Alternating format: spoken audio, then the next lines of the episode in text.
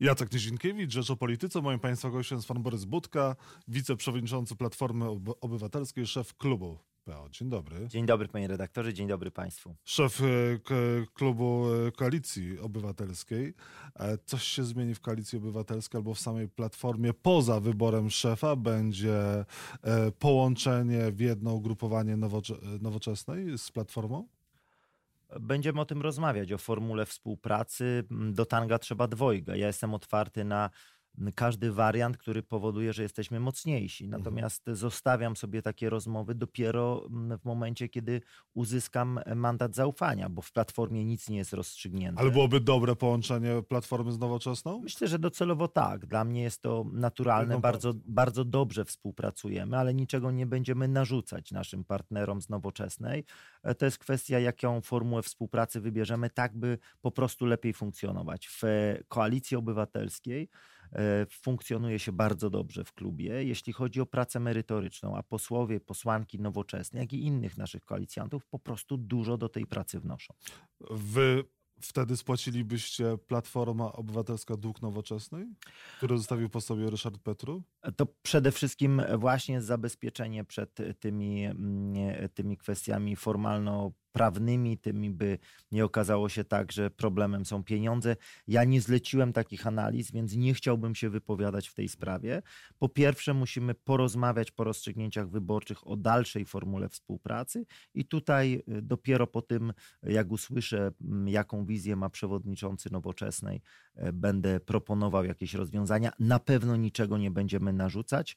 Y, formuła koalicyjna jest dobra, ale musimy mm, szukać takich form współpracy, żeby one były jeszcze lepsze. Jeżeli nasi y, przyjaciele z Nowoczesnej będą woleli współpracę koalicyjną, to jestem ostatnią osobą, która będzie chciała cokolwiek forsować. Czy warto zastanowić się nad zmianą nazwy ugrupowania? Platforma Obywatelska może wydawać się już takim szyldem dosyć e, zmurszałym. E, Bartosz Arłukowicz swego czasu dopuszczał do siebie myśl, że może trzeba będzie zmienić ten brand. Niektórzy rzeczywiście mówią e, o takim e, rebrandingu. Nie chcę tutaj nadużywać języka, w której w Polsce się nie mówi, żeby. Pan mówi tylko o liftingu. Nie nawiązywać do, do pana prezydenta, ale zupełnie poważnie. Ja myślę, że przede wszystkim chodzi o sposób działania, o formułę programową, e, energię, to w jaki sposób będziemy wyraziści, w jaki sposób będziemy trafiali do wyborców. Ja jestem po spotkaniach już prawie w każdym regionie z ludźmi, którzy tworzyli platformę, którzy do niej przyszli, którzy są z nami od początku, od niedawna i w zdecydowanej y, większości głosów widzę absolutnie taki platformiany, dobry patriotyzm. Mhm. Mówimy, nie wstydźmy się szyldu, pokazujemy, pokazujmy, że jesteśmy partią wiarygodną, jeśli chodzi o kwestie twardej e, polityki europejskiej, jeśli chodzi o kwestie dobrych zmian w Polsce przez 8 lat. Ale tutaj wszystko zależy od tej dynamiki współpracy koalicyjnej. Jestem ostatnią osobą, która chciałaby dać y, jakieś pole do spekulacji, zamiast, zanim będziemy mieli dobrą diagnozę, jeśli chodzi o kwestię ewentualnie rebrandingu. Pozostawiam to bardziej ekspertom, natomiast ja jestem członkiem Platformy Obywatelskiej i niewątpliwie to jest, y, ta partia jest, nasza partia jest określoną wartością dla wielu ludzi. Wybory rozstrzygną się w pierwszej turze na szefa Platformy? Mam taką nadzieję. Wierzę, że to będzie rozstrzygnięcie w pierwszej turze. A jest między wami takie porozumienie? Była taka debata ostatnio w Krakowie bodajże, zamknięta dla mediów. No, nie, nie, doszliście formułę, tam do wniosku, że może warto w pierwszej turze rozstrzygnąć dla dobra Małgorzaty Kidawy-Błońskiej? E, też bardzo dobrze jest, jeżeli to członkowie rozstrzygną. My jesteśmy najbardziej demokratycznym ugrupowaniem. Zawsze można apelować do członków. E, I o to apelujemy, żeby tak zagłosowali, żeby to rozstrzygnięcie było w pierwszej turze. Ale to jest wielką wartością Platformy, że możemy rywalizując ze sobą normalnie w sposób taki merytoryczny rozmawiać. Żałuję, że ta debata nie była transmitowana, ale organizatorzy... Media też żałują. Wyszli z założenia, że no, nie robią media transmisji z Nowogrodzkiej, nie robią spotkań we wewnętrznych, w związku z czym organizatorzy wyszli z takiego założenia. Była to po naprawdę... co informowanie mediów w takim razie? Po co e, mówienie o tym, że się debata odbędzie, skoro oczywistym jest, że to wzbudzi zainteresowanie. Media chciałyby obejrzeć taką debatę, po czym wy zamykacie się na mediów. Nie, nie obawia się pan, że zamykając się w ten sposób na media, również zamkniecie się na wyborców? E, ja uważam, że ta debata mogła mieć formułę otwartą. Przyjęto taką, a nie inną e, formułę przez organizatorów. Ja jako uczestnik debaty przyjmowałem wszystko. Ja nie wtrącałem się ani w formułę, ani w sposób prowadzenia debaty. Byłem bardzo pozytywnie zaskoczony. Wiedziałem, że jesteśmy wśród dobrych koleżanek i kolegów, ale byłem bardzo pozytywnie zaskoczony nie tylko poziomem merytorycznym debaty, ale nawet sposobem formułowania tych myśli. Uważam, to jest moje subiektywne zdanie, że naprawdę e, ta debata, e, gdyby była transmitowana, przyniosłaby tylko i wyłącznie korzyści. Jest to etap zamknięty. Niewątpliwie na moich spotkaniach, które organizuję z członkami Platformy, może wejść każdy, kto ma taką osobę, nawet jeśli, e, kto ma taką ochotę, nawet jeśli nie ma legitymacji partyjnej. Czy debata była dobra, czy zła, tego się nie dowiemy, bo była zamknięta dla mediów, jak już wspominaliśmy. Dlaczego pan, a nie Tomasz Siemoniak byłby lepszym szefem Platformy? Nie ukrywam, że dla mnie nie jest y, przesądzające to, jaki kto ma PESEL czy wiek, że jestem najmłodszym kandydatem, bo uważam, że Platforma powinna czerpać zarówno z doświadczenia ludzi, którzy ją tworzyli, którzy wiedzą mm, y, w jaki sposób działać skutecznie w polityce, a również ludzi młodych. Natomiast ja uważam, że nadchodzi czas takich liderów, którzy lubią być wśród ludzi, którzy potrafią z ludźmi rozmawiać, którzy swoimi wynikami wyborczymi pokazują, że taka kampania wyborcza przynosi rezultaty. Ja zdobyłem drugi wynik w koalicji obywatelskiej. W okręgu mm, śląskim, katowickim drużyna, której byłem kapitanem, zremisowała z drużyną PiSu, której kapitanem był premier Morawiecki. Mhm. Przegrałem z Morawieckim, jeżeli chodzi o liczbę głosów, ale zremisowaliśmy jako drużyna i to jest właśnie dla mnie ważniejsze. Nie indywidualny wynik, a wynik drużynowy i uważam, że taka powinna być platforma. Co więcej, wymagają od nas wyborcy takiej nowej energii, takiego właśnie spojrzenia nieco ulicznego na politykę, jak mówi Bartek Arłukowicz, takiego bycia wśród ludzi. Ja tu czuję się bardzo dobrze. Ja jestem osobą, która nie będzie przebywała ciągle w Warszawie. Ja dużo bardziej cenię sobie właśnie prowadzenie polityki, kampanii wśród ludzi, w regionach, w trudnych regionach. Ja przez ostatnie cztery lata odwiedziłem wszystkie regiony. Byłem w wielu miejscach, w których Platforma nie jest popularna. Nie ma pan takie poczucie, I... że ludzie pójdą za panem, pójdą... Tak, jestem przekonany, że jestem w stanie wyzwolić tą energię energię, pójdą za dobrym programem. I to jest właśnie coś, co Będzie nowy program? musi być, nie, przede wszystkim muszą być hasła, do, y, hasła programowe Małgorzaty Kidawy-Błońskiej, bo to jest najbliższy przekaz, ale potem, po tych wygranych w co wierzę wyborach prezydenckich, potrzebny jest zliftingowany program na przyszłe wybory parlamentarne. To jest bardzo ważne, tylko nie napiszą go eksperci w Warszawie. Musi zostać ten program napisany przez ludzi od gmin, powiatów, regionów, a skończywszy dopiero na opracowaniach ekspertów. Jest pan charyzmatycznym liderem? Ocenią to wyborcy. Blisko 100 tysięcy głosów. Wydaje mi się, że mam wszystkie cechy, które wymagane są od lidera, natomiast lidera sprawdza się w praktyce, to znaczy na wiecach, na spotkaniach z wyborcami. Umiem rozmawiać z ludźmi. Od 17 lat uczę studentów, jestem nauczycielem akademickim i y, no, z dosyć dobrymi ocenami wśród tych, którzy anonimowo co roku y, mówią, czy chcą mieć dalej ze mną zajęcia. Grzegorz Schetyna podobno nie miał e, charyzmy, tak często komentowano pytanie i ten brak charyzmy podobno był jednym z powodów, dla których ludzie nie chcieli podążać za platformą. Grzegorz Schetyna miał, miał wiele zalet, yy, bardzo dobrze rozumiał politykę, umiał yy, rozmawiać, umiał układać pewne rzeczy w sytuacjach, w których wydawało się, że pewne rzeczy są nie do zrobienia, ale był innym typem polityka. Tu nie ma wartościowania lepszym, gorszym, innym. Ja uważam, że czas polityki gabinetowej się skończył, że potrzeba jest liderów, którzy na ulicy, którzy na targowisku, którzy wśród ludzi przekonują do tego, by oddać głos na ich ugrupowanie. Ja jestem do tego gotowy. Zajmie pan e, gabinet Grzegorza Schetyny na piątym piętrze na Wiejskiej? No, to jest normalny, to jest gabinet przewodniczącego partii, więc jeżeli dostanę taki mandat zaufania, to oczywiście jest to gabinet przewodniczącego. I gdzie się podzieje sam Schetyna? Będziemy współpracować, natomiast... Jaką rolę dla Schetyny pan przewiduje? Bardzo ważną, powiem tak, ale to musi być w uzgodnieniu z Grzegorzem Wiceprzewodniczący partii? To jest kwestia otwarta, czy to będzie kwestia w zarządzie, czy to będzie kwestia programowa, czy to będzie kwestia doradcza. Nie będzie panem sterował stylnego siedzenia? Mm, gdybym y, widział taką swoją rolę, to nie kandydowałbym, zostałbym na, na Już, funkcji. już raz pan kandydował i się pan wycofał w ostatnim momencie i Schetyna w poprzednich wyborach był jedynym kandydatem. Byliśmy w innym momencie.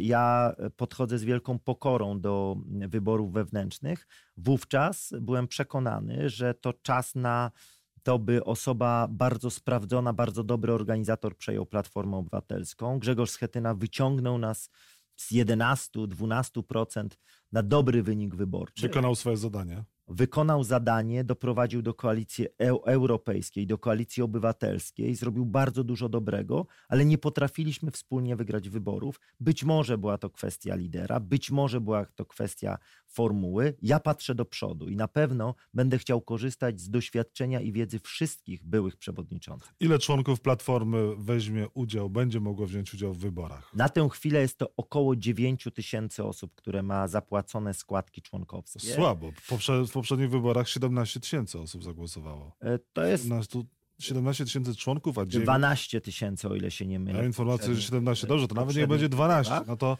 trend nie jest zwyżkowy. nie ilość, a jakość, ale rolą i, i ważnym zadaniem nowego przewodniczącego, bez względu na to, kto nim będzie, e, będzie właśnie e, doprowadzenie do tego, by Platforma Obywatelska w, e, jednak była ugrupowaniem, które się rozrasta, pozyskuje, pozyskuje nowych członków i taką otwartą Platformę Obywatelską chce budować. A ilu dzisiaj członków liczy Platforma Obywatelska? Na papierze to jest około 30 tysięcy. Aktywnych ludzi, myślę, to jest połowa z tego, może nawet mniej. Czyli Mówię- więcej niż połowa są martwe dusze. To są osoby, które nie wykazują aktywności. Z Aha. tym też musimy sobie poradzić w tym sensie, że musimy jasno, czytelnie oczekiwać deklaracji, czy ktoś jest w platformie, czy nie. Natomiast te zmiany organizacyjne będą możliwe dopiero po wyborach prezydenckich. Wszystkie ręce na pokład. Naszym celem są wybory prezydenckie. Abolicja będzie dla tych, którzy, którzy nie zapłacili powiedzmy składek przez ostatnie pół roku i będą mogli wziąć udział w głosowaniu. Przewidujecie taki wariant, żeby więcej członków Platformy wzięło niż te 9 tysięcy? Wy- y, Tu już nie ma takiej możliwości w tych wyborach. Mamy jasno czytelne, przyjęte zasady. Myślę, że bardzo dobrze jest zrobić takie nowe otwarcie, taką, taką formułę podsumowania, w jakim etapie jesteśmy, dać szansę wszystkim tym, którzy byli w platformie, są, są członkami wspierającymi na określenie się, a jeżeli ktoś chce być tylko i wyłącznie sympatykiem, to ja to uszanuję, tylko dla mnie nie ilość, a jakość jest ważniejsza i faktyczny udział w tym naszym życiu wewnętrznym, we wspieraniu partii, aniżeli legitymacja partii. Co pan będzie chciał zaoferować Polakom jako szef Platformy, e, żeby głosowali właśnie na was, żebyście wrócili do władzy, żebyście odsunęli PiS od władzy?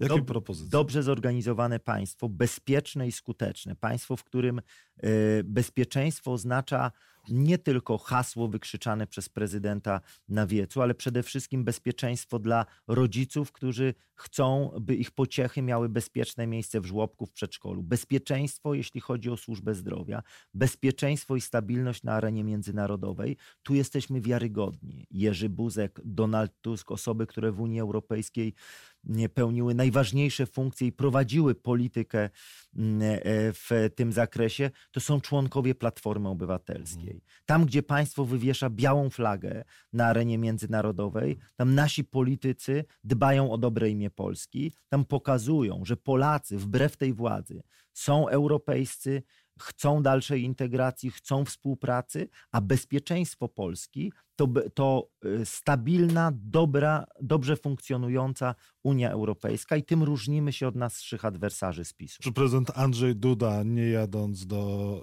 y, Izraela na 75. rocznicę wyzwolenia y, obozu Auschwitz-Birkenau, wywiesza białą flagę?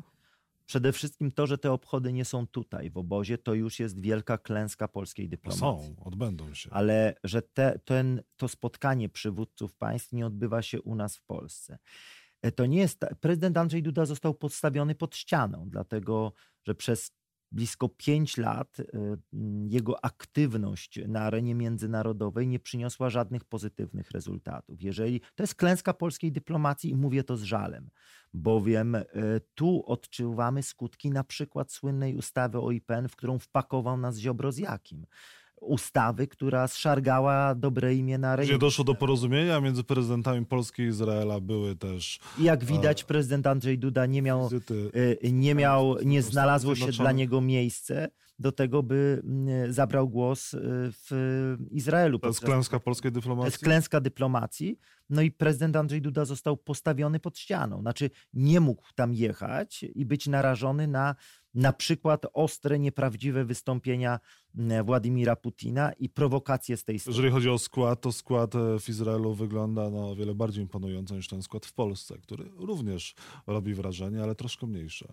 No, widać niestety, że mm, to jest pasmo porażek na arenie międzynarodowej polskiej dyplomacji. Mówię to ze smutkiem, bo polityka zagraniczna powinna być prowadzona ponad podziałami. Przez ostatnie cztery lata PiS całkowicie podporządkował narracji wewnętrznej politykę zagraniczną. To bardzo źle, kiedy jedynymi sojusznikami posłów PiSu w Europarlamencie są albo nacjonaliści z innych krajów, albo brexitowcy. Czy- Nie ma alternatywy e, w, dla Unii Europejskiej. Nasze bezpieczeństwo zależy od dobrych relacji i pełnej współpracy z partnerami w Unii. PiS nas wycofuje z Unii Europejskiej? Chociażby ustawy e, dotyczące dewastacji wymiaru sprawiedliwości, chociażby absolutnie narracja obrażająca naszych PiS partnerów. przejmie ustawy, z- przyjmie sąd, ustawy sądowe na najbliższym posiedzeniu kolejny, Sejmu, mimo że e, Senat je odrzucił. E, Proszę zwrócić uwagę, że już nie tylko nasi partnerzy z Unii Europejskiej, nie tylko Komisja Europejska zabiera głos w tej sprawie, ale również bardzo mocny głos ze Stanów Zjednoczonych. Jeżeli nasz największy sojusznik, zdaniem PiSu, mówi wprost, że te ustawy zagrażają demokracji, zagrażają polskim przemianom, cofają nas do bardzo złych rozwiązań i Polska przestaje być liderem, e, jeśli chodzi o kraje tej części Europy, to to jest czerwona kartka, to jest czerwone światło. Ten rząd musi się zatrzymać. Niestety, Kaczyński dał się omamić Ziobrze. Nie rozumiem, dlaczego Andrzej Duda, prezydent Rzeczpospolitej, form, powtarza ten kłamliwy przekaz, idzie w to zwarcie, zaprasza górników do tego, by pomagali mu w rozprawieniu się z sędziami, z, z wrogami tych zmian. Znaczy, to jest język epoki PRL-u. To jest najgorszy przykład propagandy. Andrzej Duda w, mówi językiem PRL-u? Tak, znaczy wystarczy zobaczyć jego dwa ostatnie wystąpienia.